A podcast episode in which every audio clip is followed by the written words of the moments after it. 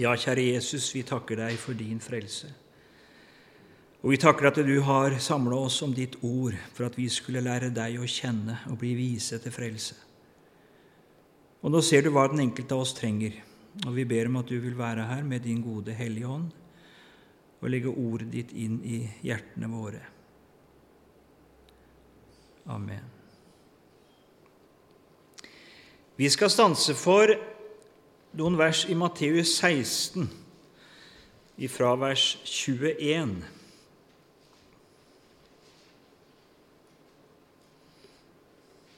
Og vi leser derifra og ut kapittelet. Vi skal ikke sanse for alt, men vi leser avsnittet i Jesu navn. Fra den tid begynte Jesus å gjøre det klart for sine disipler at han måtte dra til, han måtte dra til Jerusalem, og at han skulle lide meget av de eldste og yppersteprestene og de skriftlærde, at han skulle bli slått i hjel, og at han skulle oppstå på den tredje dagen. Da tok Peter ham til side og ga seg til å irettesette ham og sa:" Gud fri deg, Herre, dette må aldri skje deg. Men han snudde seg og sa til Peter, Vik bak meg, Satan, du er til anstøt for meg, for du har ikke sans for det som hører Gud til, men bare for det som hører menneskene til. Da sa Jesus til sine disipler, Om noen vil komme etter meg, da må han fornekte seg selv, ta sitt kors opp og følge meg. For den som vil berge sitt liv, skal miste det. Men den som mister, det, mister sitt liv for min skyld, skal finne det. For hva gagner det et menneske om han vinner hele verden, men tar skade på sin sjel? Eller hva kan et menneske gi til vederlag for sin sjel?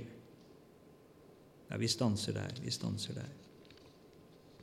Emnet jeg har fått for dette møtet, det er Golgata.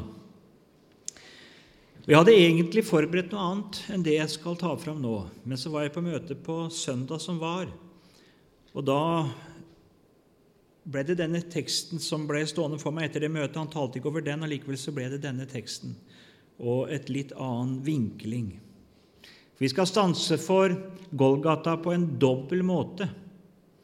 Jesus måtte, leste vi her, gå opp til Jerusalem, til Golgata, til korset, til dommen og døden.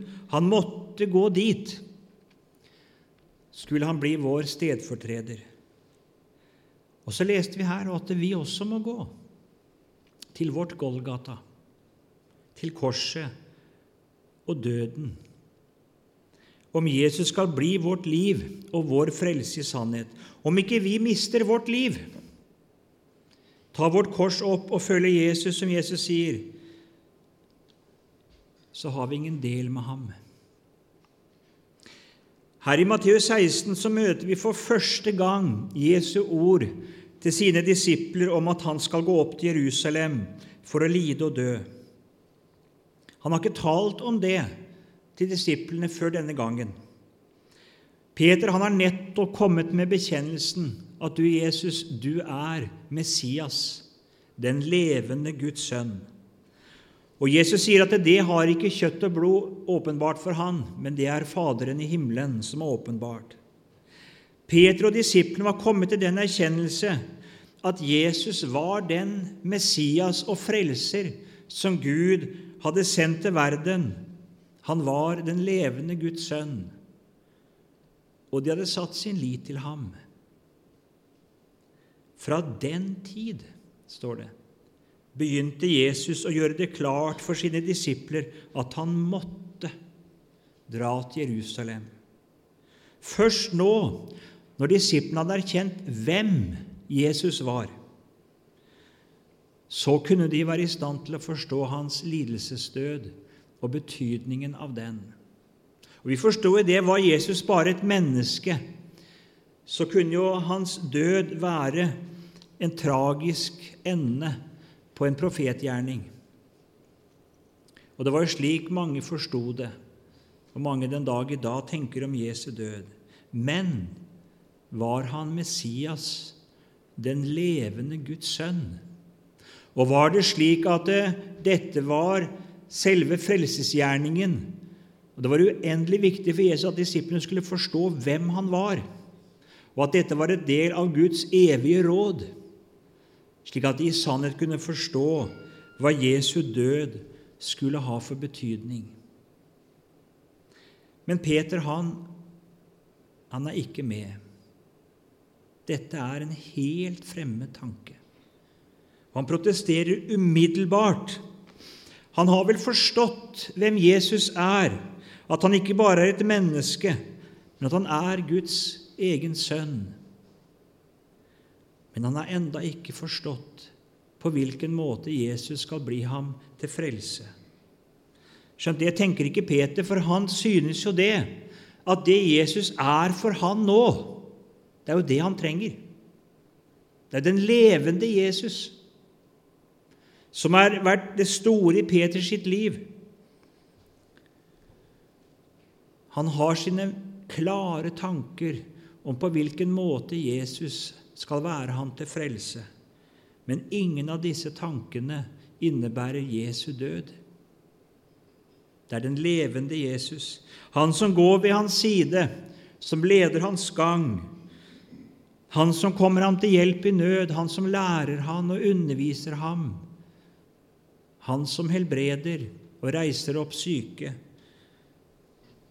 Hvis Jesus døde, hvor ble det da av alt dette Jesus har gjort og gjør?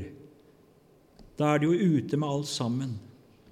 Å få være Jesu følge, høre han tale, være vitne til hans underfulle hjelp, det må jo ha vært en enorm opplevelse for disiplene. En veldig opplevelse. Vi har jo Peter et annet sted. Han får se noe av Jesu herlighet, og han, der vil han være. Tenk hvilken opplevelse! De fikk se hans herlighet. Og han ville bygge hytter, ikke sant? for her, her, her må jeg få lov til å være. I denne opplevelsen, i dette lyset. Tenk på hva de lærte sammen med Jesus, hvordan han åpna Skriftene for dem, hvordan han lærte dem. Hele deres liv, tanke og ferd Vi kan forstå at de mottok enorme inntrykk av Jesus. De hadde jo begynt, Peter og de andre, å følge døperen Johannes. De hadde lært der å se sin synd og sørge over sine synder. De hadde lært der å vende seg til Gud i bot og bønn om syndenes forlatelse. De hadde latt seg døpe hos Johannes med omvendelsens dåp. Og du kan tro det var en befrielse, bare det å få bekjenne og gjøre opp. Og så hadde Jesus kommet til dem og åpenbart seg for dem som Guds enbårne sønn. Og så hadde de på en måte en direkte kontakt med Gud selv gjennom hans egen sønn. De fikk det evige livs ord, sier Peter hos Jesus. Altså det ord som de trengte for å få det evige liv. Det trodde han.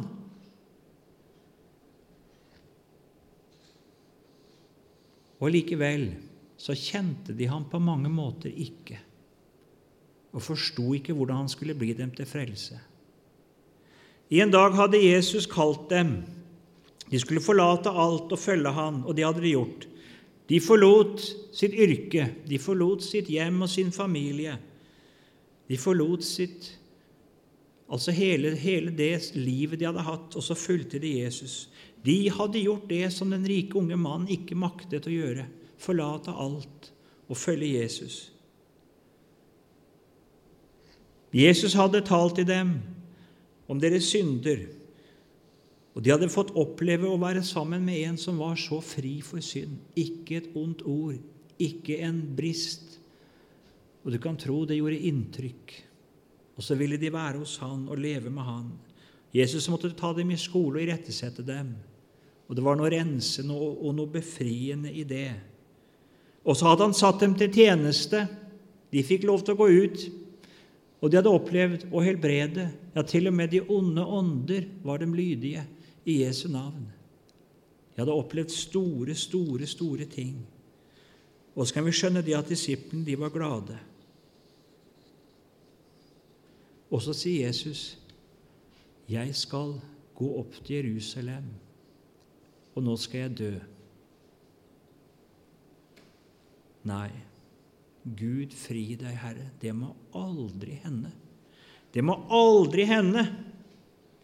Dette må aldri skje. Hvor blir det da av alt det som du har gitt oss, og alt det du har gjort for oss? Hvordan skal det bli med oss da? Og Jesus han må gå i rette med Peter. Vi skal ikke stanse for det. Denne fristelsen, den har møtt Jesus hele veien.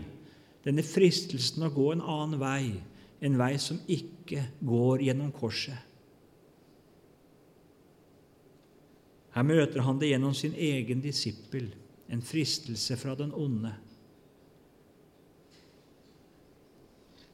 Og Så skal Jesus da tale med sine disipler om dette, hvorfor han må lide og dø. Og så er det som han begynner å tale om noe helt annet. For da taler han ikke om sin død. Han begynner ikke å forklare jo, du skjønner det, Peter. Skal jeg bli deg til frelse, så må jeg det. Det virker som om Jesus gjør noe helt annet. Han sier det til Peter. Om noen vil komme etter meg, da må han fornekte seg selv, ta sitt kors opp og følge meg. Altså Hvis du, Peter, vil følge meg og være min disippel, så må du ta ditt kors opp. Da må du lide og dø. Da må du følge meg i døden. Og så kan vi tenke at Jesus taler om noe helt annet. Nei, han gjør ikke det. Og Vi skal se litt på det. Jo, hva er det som var på mange måter Peters prosjekt? Og veldig mange av hans disiplers prosjekt, det skjønner vi. Jo, de hadde hos Jesus funnet en som kunne hjelpe dem med å få skikk på livet. De hadde funnet en som kunne hjelpe dem å leve med Gud. En som kunne gi dem opplevelser og komme, på en måte oppleve noe av Guds kraft og nærhet og storhet.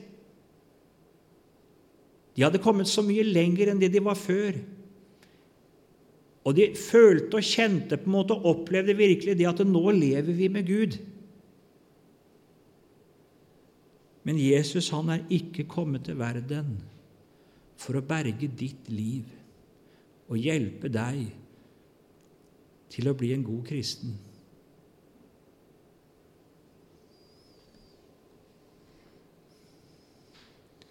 Jesus han er kommet for å ta ditt liv og bære det og gjøre opp med det for at du skulle bli fri det. Men du og jeg vi har så uendelig lett for å tenke akkurat som Peter. Når jeg falt i synd, hva gjør jeg så lett da? Jo, Av naturen så tenker jeg at Jesus, du må hjelpe meg med dette. Nå må du skape en forandring i livet mitt. Det er naturlig. Det er vår naturlige religiøsitet. Den søker hos Jesus en hjelp til å leve. Og det var det disiplene, og Derfor var det katastrofe hvis Jesus måtte dø. For det er den levende Jesus som var deres håp, ikke den døde. Det er slik at du og jeg av natur vi kan til en viss grad erkjenne vår synd og skrøpelighet. Det er ikke sånn det skulle være med oss. Vi faller i synd, vi svikter, vi er trege til det gode. Vi har ikke den lyst til det som vi skulle ha men vi har desto sterkere lyst til det onde. Drages mot synden.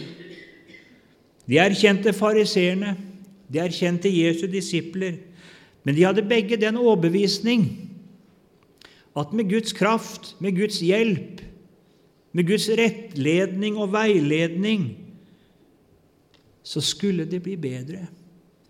Og så ville Gud i sin store nåde bære over med det som manglet. Det skulle nok gå godt så lenge de kom til Gud i bot og bønn. Og Det var det disiplene hadde gjort ved Johannes' dåp. Og så hadde de fått oppleve Guds kraftige hjelp og veiledning gjennom hans egen sønn. Og så tenkte de at det så var alt bra. At dette måtte da holde. De vandret jo sammen med Guds egen sønn. Så måtte da alt være i orden. Og så måtte himmelen være åpen for dem. Vi er redd at det er mange i dag, akkurat som på Jesu tid. Mange av de som mener seg å høre Jesus til og vandre med ham, som er akkurat der som disiplene var, som hos Jesus har funnet en som kan hjelpe dem til å leve. Hjelpe dem til å berge sitt liv. En lærer, en veileder, en kraftkilde, en helbreder, en profet. En formidler av guddommelig kraft og styrke. Og så er det den levende Jesus de taler om, de synger om, som de har sitt håp og setter sin lit til. Det ser slik ut for meg når jeg leser en del prekener, eller hører noen prekener og ser en del uttalelser. Det er Han som kan helbrede, Han som kan la meg oppleve sin kraft, Han som kan forvandle mitt liv. Ja, Sånn var det for disiplene, sånn var det for Peter. Jesus var én som kunne hjelpe dem å berge sitt liv. Bedre og bedre dag for dag. Det var i minste, i minste deres håp og ønske. Er Jesus dette for deg? Er det den Jesus du har din lit til? En som kan berge ditt liv? Da vil han tale til deg om det at det er ikke det han har kommet for. Nei, han må til Jerusalem. Han måtte det. Han skulle lide. For bare på den måten var det han kunne bli deg til frelse. Og bare på den måten er det han kan bli oss til frelse. At vi lærer han å kjenne og ha vårt håp i Han som døde og oppsto. Han kom ikke for å redde stumpene av mitt liv og styrke det skrøpelige livet jeg hadde, og gjøre det brukbart. Nei, for det er så ille med meg at mitt liv, det står ikke til å berge. Det står ikke til å berge. Om Gud er aldri så nådig og barmhjertig, så kan Han ikke se gjennom fingrene med den synd jeg har. Fariseerne de lærte det. De har en bønn vi finner den i et gammelt rabbinsk skrift som heter Avot, fedrene.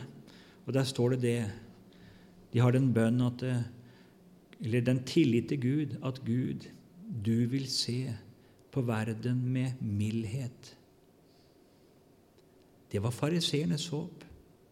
At den som søkte Han i bot og bønn, så ville Gud i sin store barmhjertighet Han ville være mild og så ville han bære over, og så ville han tilgi. Men slik er ikke Gud. Han sier i sitt ord at han holder ikke den skyldige for å være uskyldig. Og Vi leser det i Skriften at uten at blod blir utgitt, så skjer det ikke forlatelse. Og blod av bukker og kalver de kan ikke forlate, de kan ikke skaffe, skaffe soning. Og Det er derfor Jesus måtte dø. Det var ingen annen vei. Han måtte møte Gud med ditt liv. Da han kom til døperen Johannes, så kom han ikke for å fordi han som deg og meg trengte å bekjenne sin egen synd. Det var en synsbekjennelsesdåp. Jesus bekjente synd. Men han bekjente ikke sin, han bekjente din. Han bekjente din synd og min synd som sin. Og Døperen Johannes forstår hva som skjer, så han sier det dagen etterpå.: Se der, Guds lam, som bærer verdens synd. Det var det Jesus hadde gått inn på, og fra den dag så søkte djevelen det å få han bort ifra den veien. For han visste det at det der mistet han sin makt i menneskeslekten. Her kom han som tok bort det bånd og den makt han hadde over menneskene. Her kom han som var for å komme til å ta synden og gjøre opp med den. Og så møter han også Jesus gjennom Jesu disippel. Ditt liv og mitt liv, det står under Guds dom, under Guds forbannelse. Og så må det sones og gjøres opp Livet står ikke til å berge. Det står ikke til å reparere og forbedre. Og Det var derfor Jesus måtte til korset. Og Det er derfor han sier at vi må følge han. For hvis Jesus er en som skal hjelpe meg å berge livet mitt og få skikk på det, så får ikke Jesus lov til å ta det. Så får jeg ikke legge det av ved Jesu kors for å være fri det. Men da står jeg hele tida og venter. Jesus, nå må du hjelpe meg, nå må du forsikre meg. Og så får han ikke være min stedfortreder. Han skal bare være min hjelper til selvhjelp. Da Jesus døde, så på en side sett så var det ikke bare han som døde. Men fordi han døde som stedfortreder, så var det når én døde, så døde alle. Så døde egentlig du, og så døde jeg. For slik er det når en stedfortreder død, dør. Da dør han i de andre sted. Han kom ikke for å berge ditt liv, men han kom for å ta det. Bekjenne det som sitt, og så møte Gud med ditt liv. Og Hvis du lurer på hva Gud synes om ditt liv, så kan du se på Golgata kors. Da kan du se på det mørke og den forbannelse som er der. Da ser jeg hva mitt liv er aktet for i himmelen.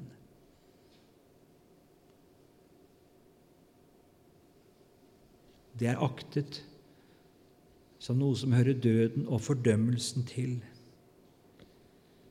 Har du noen gang kjent deg dømt i samvittigheten, full av angst og redsel for Guds dom og forbannelse?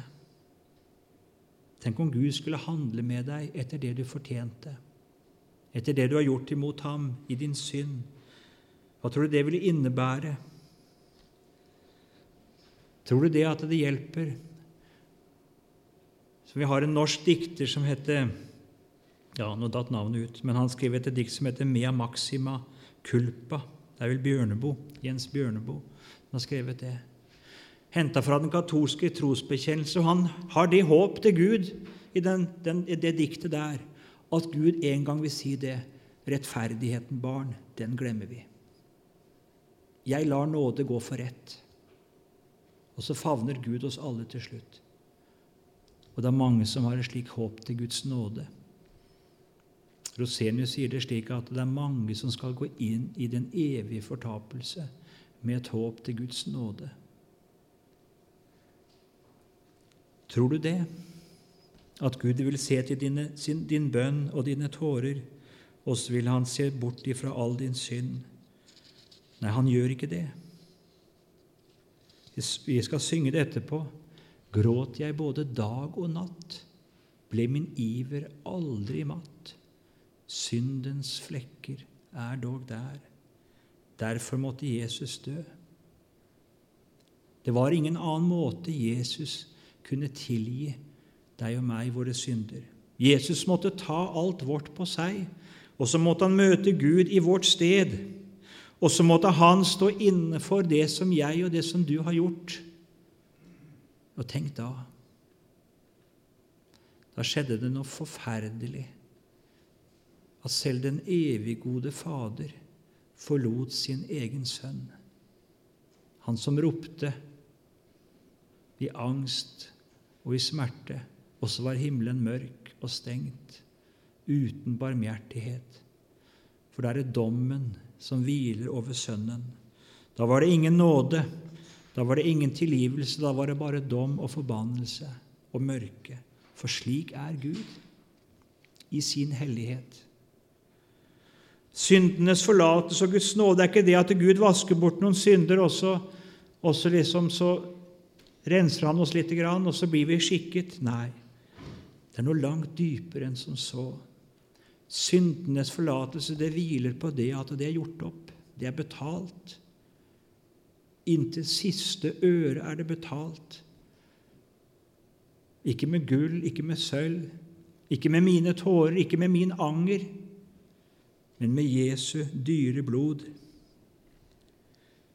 Du som sliter med synden i livet ditt, du som fortviler over at du har et kjød som er så tregt til det gode, og som drar så mot det onde.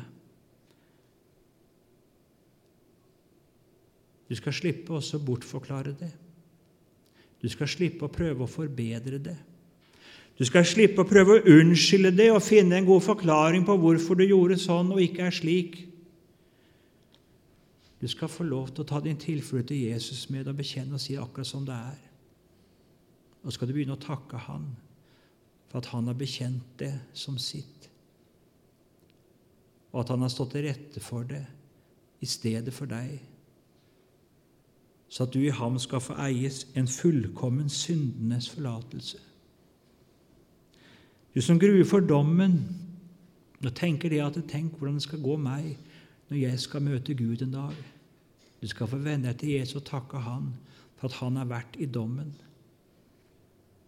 At den dom som du gruer for, den har Han båret. Den forbannelse som du frykter skal ramme deg, den har Han tatt for at du skal få se opp til Gud og stråle av glede og slippe å rødme av skam og vite at mine synder, de er sonet. Over meg er det en åpen himmel. Den er Jesus, Guds egen sønn, åpnet. Jesus kom ikke for å berge ditt liv, for å reise det opp igjen og gi deg selvgodheten, vi skal kalle det for noe, eller eller selvrespekten tilbake, eller hva jeg skal kalle det. Nei, han kom for å ta alt ditt. For at du skulle være fri det. Å fornekte seg selv, sier Jesus, skal fornekte deg selv. Hva vil det si? Jo, Peter sa jo det om Jesus. Yppersteprestens går. 'Jeg kjenner ikke det mennesket'. Tenk, det skal jeg få lov til å gjøre med mitt eget kjød, med mitt eget si at jeg kjenner ikke det mennesket. Det mennesket som jeg fortviler over her Jeg skal slippe å unnskylde det og bortforklare det. og Jeg skal si jeg kjenner det ikke. Det er jeg ferdig med. Det er en annen tatt. Og jeg skal slippe å stå til regnskap for det. Jeg kjenner én som jeg får lov til å regne som min. Kristus, vårt liv, sier apostelen. Tenk, jeg skal få si det. Han er min. Herren, min rettferdighet. Tenk, jeg skal få rose meg av Hans navn. Jeg skal ikke stå fram for Gud en dag og si det at du, du kjenner meg. Jeg har gått på bedehus siden jeg var barn. Jeg har lest i min bibel. Nå er jeg bibelskolerektor, jeg har vært i mange år. Du kjenner da meg. Mitt navn er vel kjent i himmelen. Det står vel skrevet i bøkene? Nei. Mitt navn er ikke kjent i himmelen. Mitt egen navn. Men jeg skal få lov til å si det at jeg kjenner én, og han heter Jesus. Jeg setter min lit til ham, og han er kjent i himmelen. Det navnet er kjent i himmelen.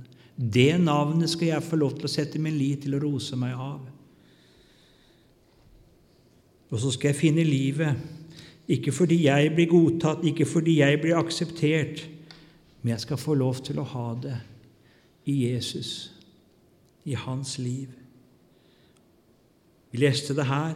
Hva gagner det et menneske om man vinner hele verden? Hva gagner det om jeg kommer aldri så langt ved Jesu hjelp?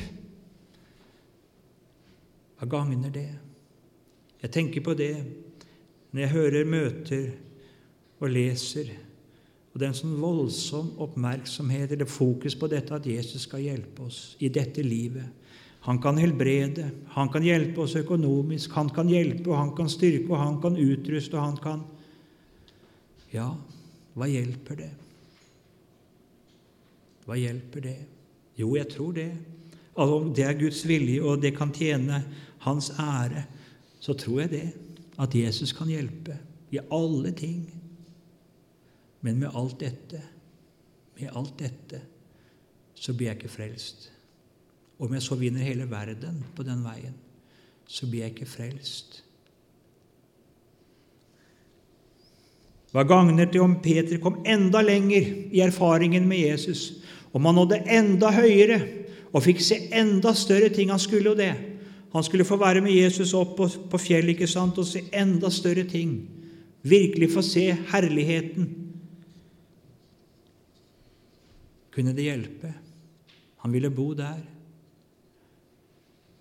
Det kom en røst fra himmelen til Peter der oppe på fjellet. Irettesettende, egentlig. Dette er min sønn, den elskede. Hør ham! Det var som Peter ikke hadde fått øre lenger, hadde fått øre for Jesu ord. Hva var det Jesus talte om der oppe på fjellet sammen med Elias? Moses og Elias, hva var det? Det var om hans gang til Jerusalem. Det var det de talte om. Peter skulle vite det at det som skjedde i Jerusalem, det var oppfyllelse av Moses og profetene. Det var ingen ulykkeshendelse. Hør ham, sier Faderen. Akt på det han sier. Hør ham. Du, Peter, du har fokus et annet sted. Hør ham. Om Jesus hjalp ham, styrket ham, lærte ham Det kunne ikke dekke over den grunnskade som var på Peters sjel. Det kunne ikke kompensere og bli et vederlag for hans synd. Nei, det var bare én ting som kunne bli vederlag. Det var Jesu død.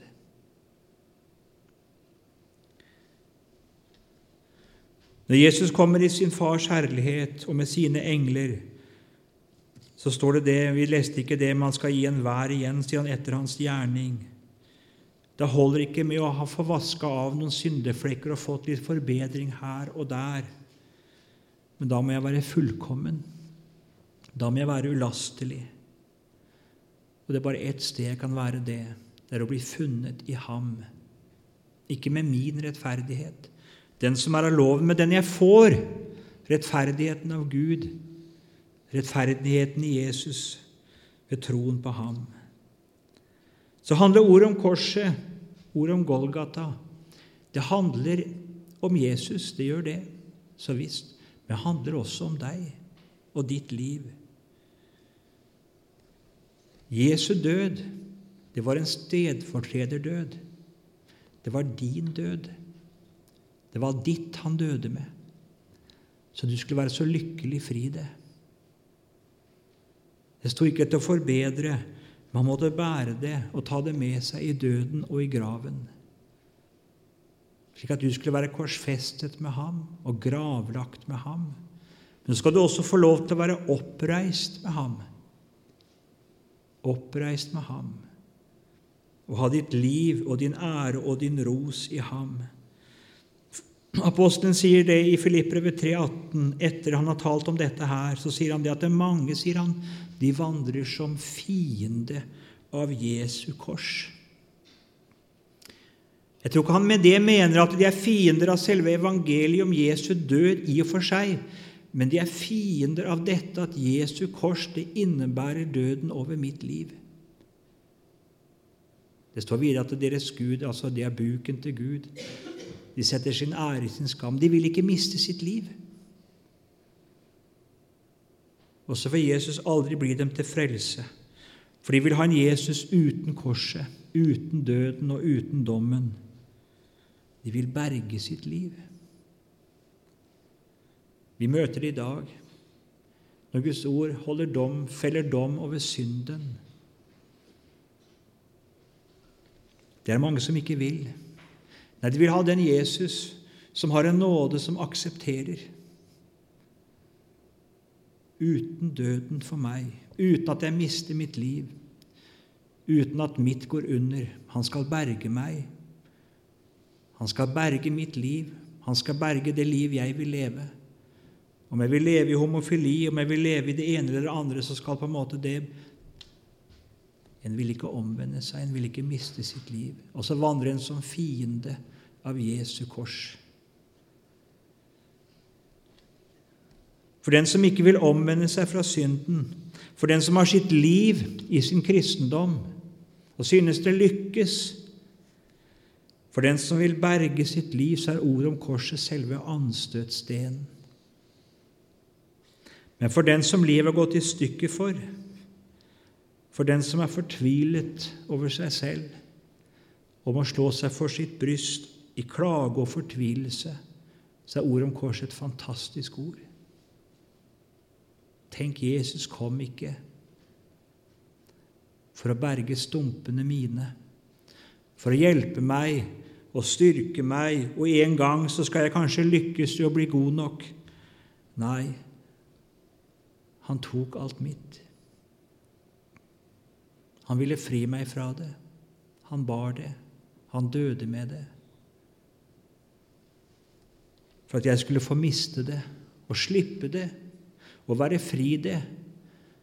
Og så ville han gi meg seg selv for at jeg skulle ha mitt liv i ham og min ros og min glede i ham. Og så sier Skriften det at det så er vår ros utelukket. Den som roser seg, han roser seg i Herren. Mitt liv, mitt og min ære, den hører hjemme på korset. Jeg skal få regne meg som død med Jesus, men så skal jeg også få regne meg som oppstått med ham, og som levende for Gud i ham. Og da er det som Rosenius synger det, da kan jeg tenke slik altså at det også i livets mørkeste stund Også når alt går på tverke og alt går i stykker i mitt liv, så ødelegges ikke frelsen, for den hviler ikke på deg. Og hva Gud kan utrette i ditt liv, og hva Jesus kan hjelpe deg med, men den hviler på ham.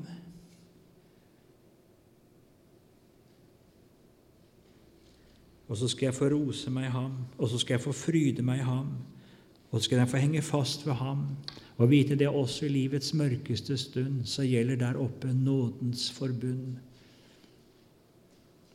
Det hviler på Han. En liten eksempel fra Gammeltestamentet. Gud vil inngå en pakt med Abraham. Og så ba han Abraham å ta offerdyr. Han skulle dele dem i to og legge dem i to rader. Det var nok ikke så uvanlig å inngå en pakt på den måten.